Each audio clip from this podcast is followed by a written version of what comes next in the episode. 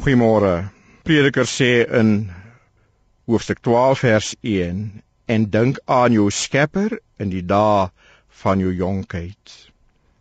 Die Hebreëse woord wat met die woord dink vertaal word, beteken ook om te onthou en om in gedagte te hou. Hierdie woord is 'n bevel.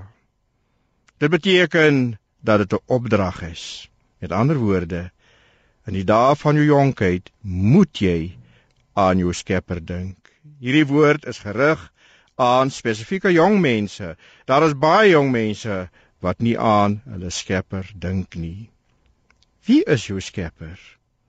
Dieselfde woord wat in Prediker 12 vers 1 gebruik word vir Skepper, vind ons in Genesis 1 vers 27 waar God die mens maak. Daar word gesê God het die mens geskape. Ons Skepper is dus God. Elke jong mens moet aan sy Skepper dink in die dae van sy jonkheid. Terwyl jy as jong mens lewenslustig is, bly is, vrolik is en 'n gevoel van vryheid ervaar, moet jy aan jou Skepper dink.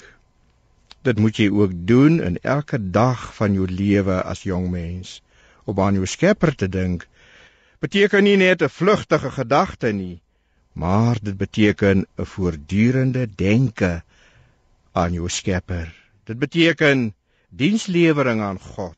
Dit beteken kommunikasie met God in gebed. Die woorde van Psalm 119 vers 9 is baie passende woorde in die verband. Daar staan: Waarmee sal die jongeling sy pad suiwer hou? Deur dit te hou na u woord is die antwoord. Jesus het die voorbeeld gestel, hy het tot die einde toe aan die Vader gedink. Van sy jeug af tot die einde aan die kruis op Golgotha. Amen.